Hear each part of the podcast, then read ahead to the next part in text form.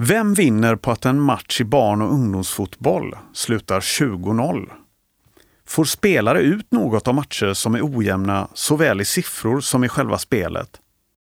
Rolando Moncada är ansvarig för utvecklingen av fotboll och futsal på Göteborgs fotbollförbund.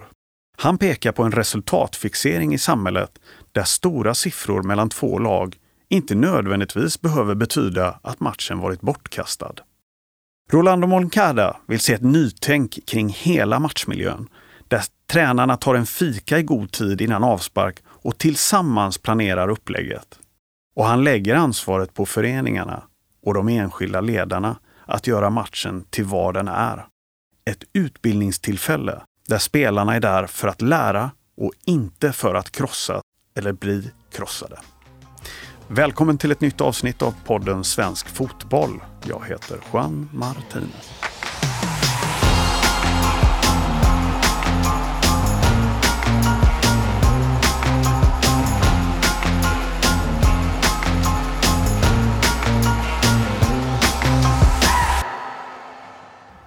En del ledare menar att man ska ha respekt för spelet och matchresultatet och motståndarna och därför ska man inte slå av på takten. Är det rätt agerande eller ska man kanske tänka om där som ledare i en match där det håller på att bli väldigt ojämnt? Jag tycker ju att eh, matchen i sig också och liksom vad den ska ge är en väldigt viktig fråga där. Vad är det matchen ska ge oss idag? Vad ska matchen ge i stora drag, både för motståndarna, domarna och så vidare? Och där finns det stort tydligt utbildningsfokus i barn och ungdomsfotbollen som Eh, ibland tappas på vägen tyvärr. Eh, och att resultatet i sig då skulle, vad ska man säga, ge något svar på frågan om något går bra eller dåligt. Och där vill jag att vi egentligen eh, skiftar fokus och börjar liksom prata mer om vad är det vi lär oss under matcherna? Och då kanske man har ett ansvar då som motståndarlag. Om man märker att vi kör över det andra laget. Okej, okay, hur kan vi förändra den här matchbilden och få att alla spelarna lär sig någonting utifrån matchen? I Stockholm, där jag eh, verkar, där fick jag nyligen höra om en match som hade slutat med väldigt stora siffror i flickor i juniorserie. Lägsta serien. Där en större förening kom med väldigt, väldigt duktiga tjejer till den här matchen och det blev väldigt ojämnt.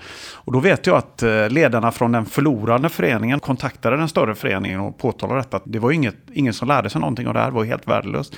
Och då eh, reagerade tydligen sportchefen i den större föreningen och sa att nu ska jag ta tränaren i örat i det här laget, för det här vill vi inte stå för. Eh, Tar ni som distrikt någonsin kontakt med en förening eller undrar hur kunde det bli 40-0 i den här matchen? Och, och, alltså både det vinnande och förlorande laget. Är det någonting ni gör från distriktets sida? Nej, det gör vi inte. För att återigen, då lägger vi ju fokus på just resultatet. Att det på något sätt skulle säga någonting om matchen i sig. Ehm, om ett lag nu förlorar med 10-0 eller 14-0 eller vad det nu kan vara så säger det inte att någonting om matchen upplevdes negativt eller positivt. Och det, tyvärr är det allt för ofta och allt för lätt att peka på som distriktsförbund att ja, men nu måste ni ta tag i föreningen X eller lag X och ta dem i örat och säga till dem att så här får ni inte göra och bete er. Men i slutändan är det ju faktiskt så att de som äger matchen och de som är på plats på matchen har ju ett ansvar kring att matchen får en bra utveckling. Och då pratar jag inte om resultat utan jag pratar om alla saker som är kringliggande. Alltså publikens beteende, hur vi uppträder gentemot varandra, domare, spelare sinsemellan. Alla de faktorerna på något sätt är ju deras ansvar. Det kan inte vi sitta och ansvara för utan det är ju lagens ansvar. Är det oegentligheter så är det jättebra att vi får en rapport om det. Men framförallt så ska en dialog mellan föreningarna inledas och de som är ansvariga i föreningen, alltså ungdomsansvariga eller föreningsutvecklare och så vidare, ska prata sinsemellan om nu blev det tokigt och varför blev det tokigt och att man har en dialog kring detta. Att helt skjuta det och säga att ja, men det är förbundet som ska göra det, ja då ska vi vara någon form av kontrollinstans och det är inte det vi håller på med. Vi erbjuder tävlingar och vi erbjuder att utbilda tränare och ledare i, inom distriktet. Eftersom man anordnar tävlingen då så kanske man reagerar ibland och tänker oj här, här är det härande väg. Hur står det till i er förening som har vunnit serien med 202 i målskillnad och full pott? Det kan ju vara intressant att höra efter vad det är som har hänt tänker jag. Ja, och när en förening eller ett lag börjar trilla iväg så, så kommer ju de rapporterna in och jag tror att de själva också reagerar och då kan vi ha just den här filosofiska diskussionen som vi inledde med. Varför blir det så att ett lag blir helt överlägset? Är det så att man har dammsugit hela, hela vårt distrikt på de bästa spelarna i flickor 13 då? Ja, då är det ju ett problem. Och vad ska det mynna ut i slutändan om man nu vinner matcherna med 14-0?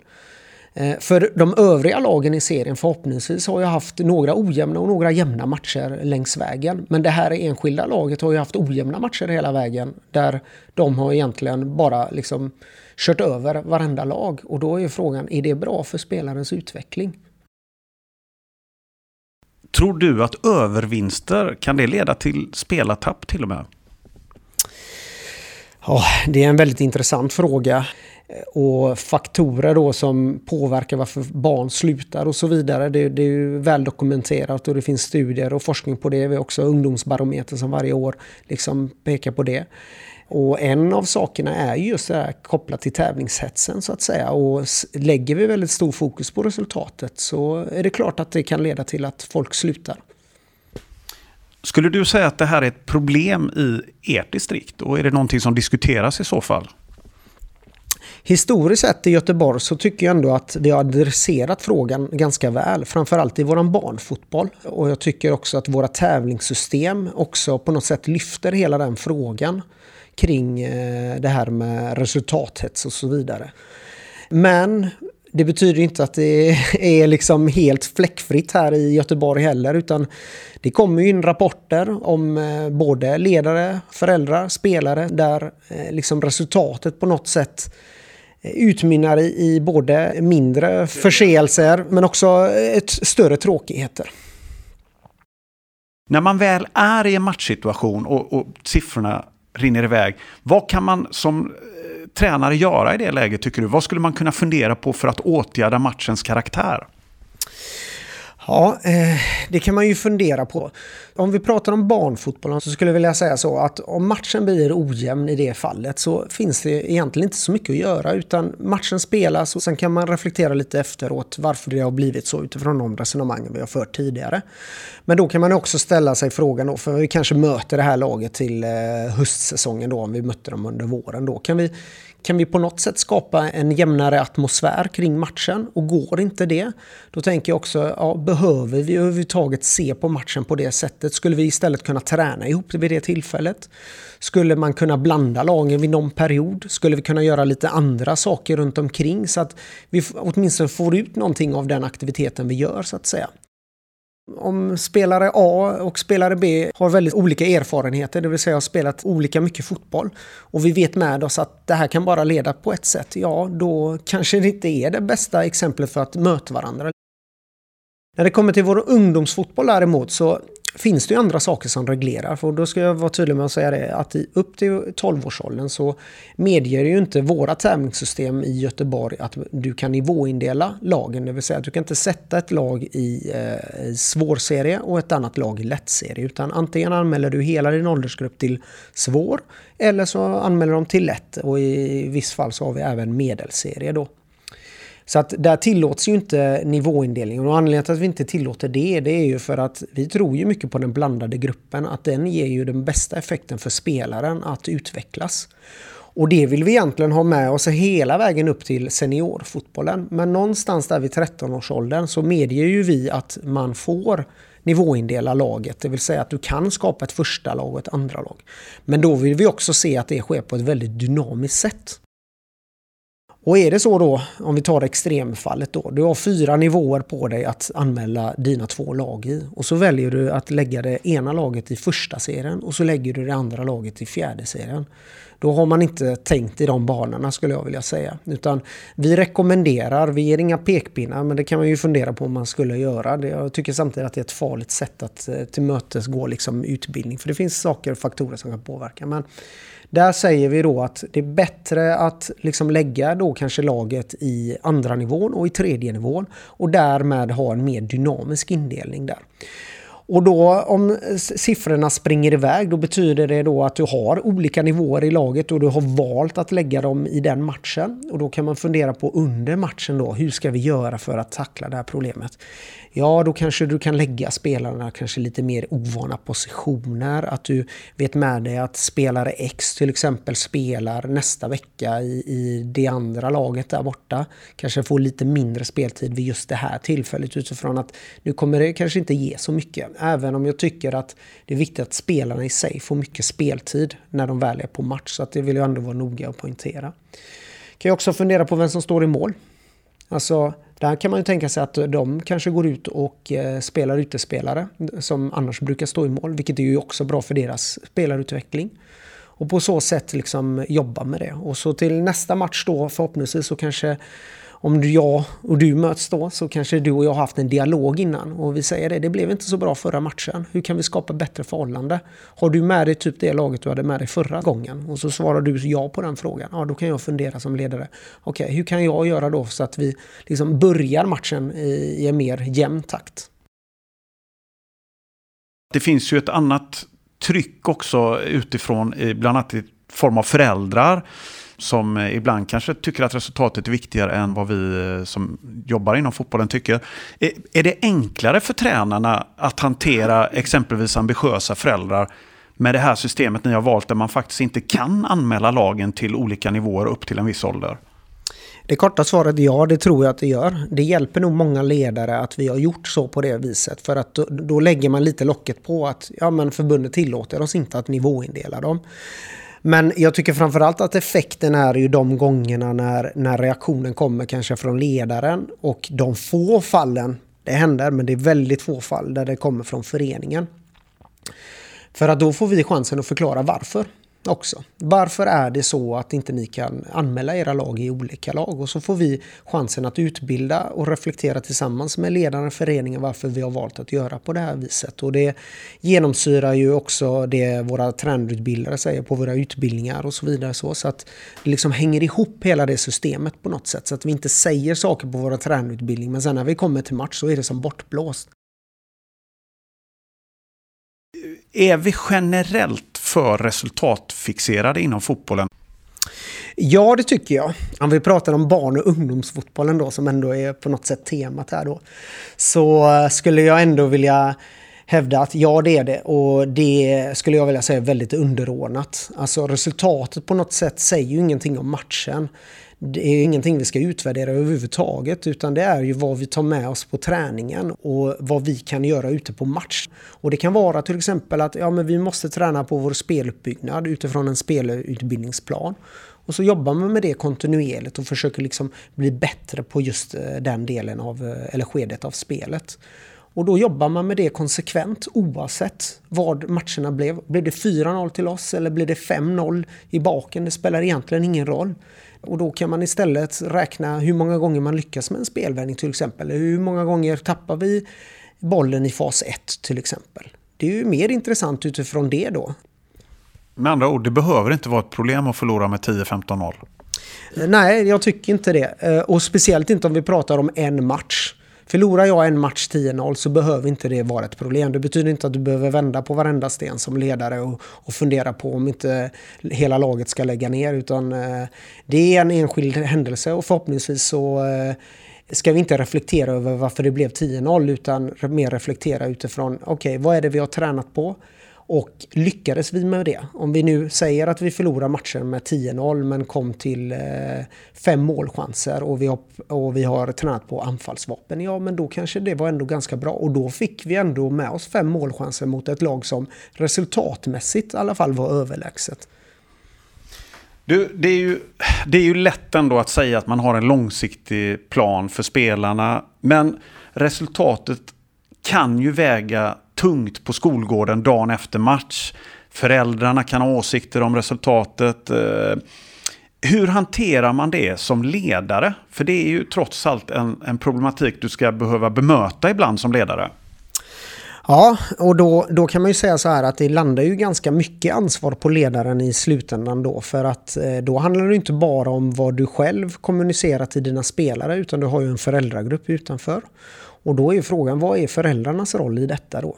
Och jag skulle vilja hävda att det... Hur har du gjort där Rolando? Ja, en bra fråga. Jag har ju faktiskt en erfarenhet av det och det kan tyckas makabert och så men Eh, jag hade en spelargrupp som jag tog över när de var 14 år och efter en månads tid så sa jag till eh, övriga ledargruppen att nu eh, behöver vi ha ett föräldramöte med den här gruppen. Ja, jättebra, så kallar vi till det.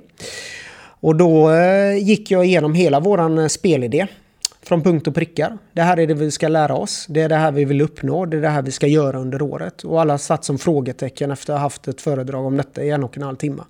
Föräldrarna satt som frågetecken? Ja, de satt som frågetecken. Varför, varför pratar vi om det här idag? Liksom? Och då sa jag det här. Det här är mitt ansvar. Att se till att spelarna lär sig det här, det är mitt ansvar. Vad är ert ansvar som föräldragrupp? då satt ju några där och funderade lite bra tag. Och då sa jag det att er viktigaste uppgift här nu, det är att ni fokuserar på ansträngandet hela tiden och glädjen. Att de anstränger sig ute på planen, att ni hejar hela tiden på intentionerna och viljan att kämpa eller försöka slå en svår passning och så vidare. Det är det ni ska göra.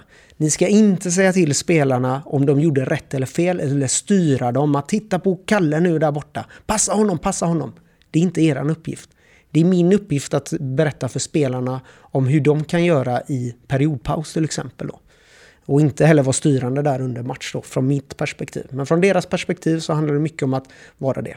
Det andra är då, vad är det, eh, i det här fallet då så tränar en killgrupp då. Vad är det killarna behöver ha med sig förutom det? Jo, de behöver ha med sig sina fotbollsskor, de behöver ha med sig sina benskydd. De måste se till att ha käkat mellanmål innan, match, innan matcherna och träningarna. De måste se till att göra sina läxor. Och förutom det så behöver de en god sömn. Och de ansvaren har ni, för det kan inte jag styra tyvärr. Vad var responsen från föräldrarna? Responsen var väldigt god för att eh, då fick vi en väldigt tydlig rollfördelning också. Var det ingen som pratade tabellplacering eller målsättning rent resultatmässigt i, under det här mötet ni hade? Nej, jag tror det blev ganska tydligt vad verksamheten gick ut på. Och det var ju att de, vi skulle utbilda spelarna enligt en spelmodell. Jag tror nog att det var så pass glasklart från min sida att eh, den frågan inte kom upp. Kan man, Rolando, gå en hel serie med idel förluster och ändå känna att det finns ett mervärde i det man håller på med? Absolut, om ingången eh, inte är just det där med att vi ska hävda oss resultatmässigt mot våra motståndare. Vi ser ju verksamheter idag som eh, har en helt annan ingång till eh, fotbollen. Det vill säga att här handlar det om att få bort dem från gängkriminalitet. Att det är sådana faktorer som påverkar. Så ja, absolut. Men överlag så tror jag att vi behöver eh, se oss själva i spegeln och faktiskt reflektera kring är resultatet viktigt för mig? Och jag tror att många vill svara nej på den frågan. Men eh, jag tar ett litet exempel jag fick från min kollega här då som var ute nu till helgen och fick höra lite från sidan där, eh, tjuvlyssnade lite. Då, då säger en av föräldrarna, vi måste heja på killarna nu, de har det lite tufft har de det, för de förlorar de två första matcherna. Så nu tredje matchen så måste vi alla ge vårt bästa för att heja fram killarna så att de får vinna matchen. Och det är ett tydligt exempel på att vi inte riktigt nått fram i den frågan. För då är ju fortfarande resultatet väldigt viktigt.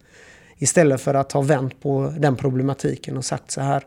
Har killarna haft kul? Ja, men då fortsätter vi heja på och fortsätter så att de fortfarande tycker det här är en bra upplevelse oavsett vad det blir i matchen.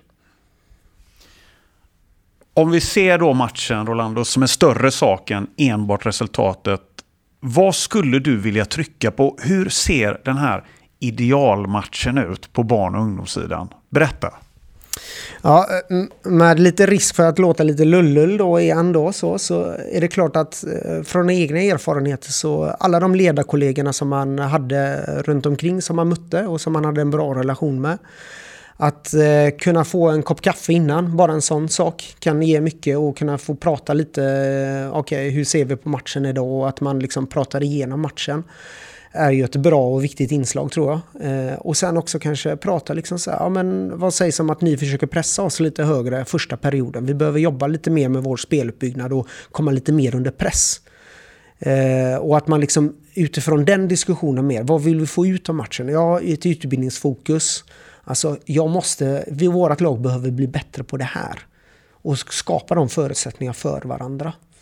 Så ett tydligt exempel på det utifrån den verksamheten jag tränade en gång i tiden så mötte vi ju lag som till slut backade hem väldigt mycket för att de märkte att ja, men vår bollskicklighet var så pass stor att vi till slut inte behöver pressa så högt. Men det, blir ju, det led vi för, om man säger så, utifrån ett utvecklingsperspektiv.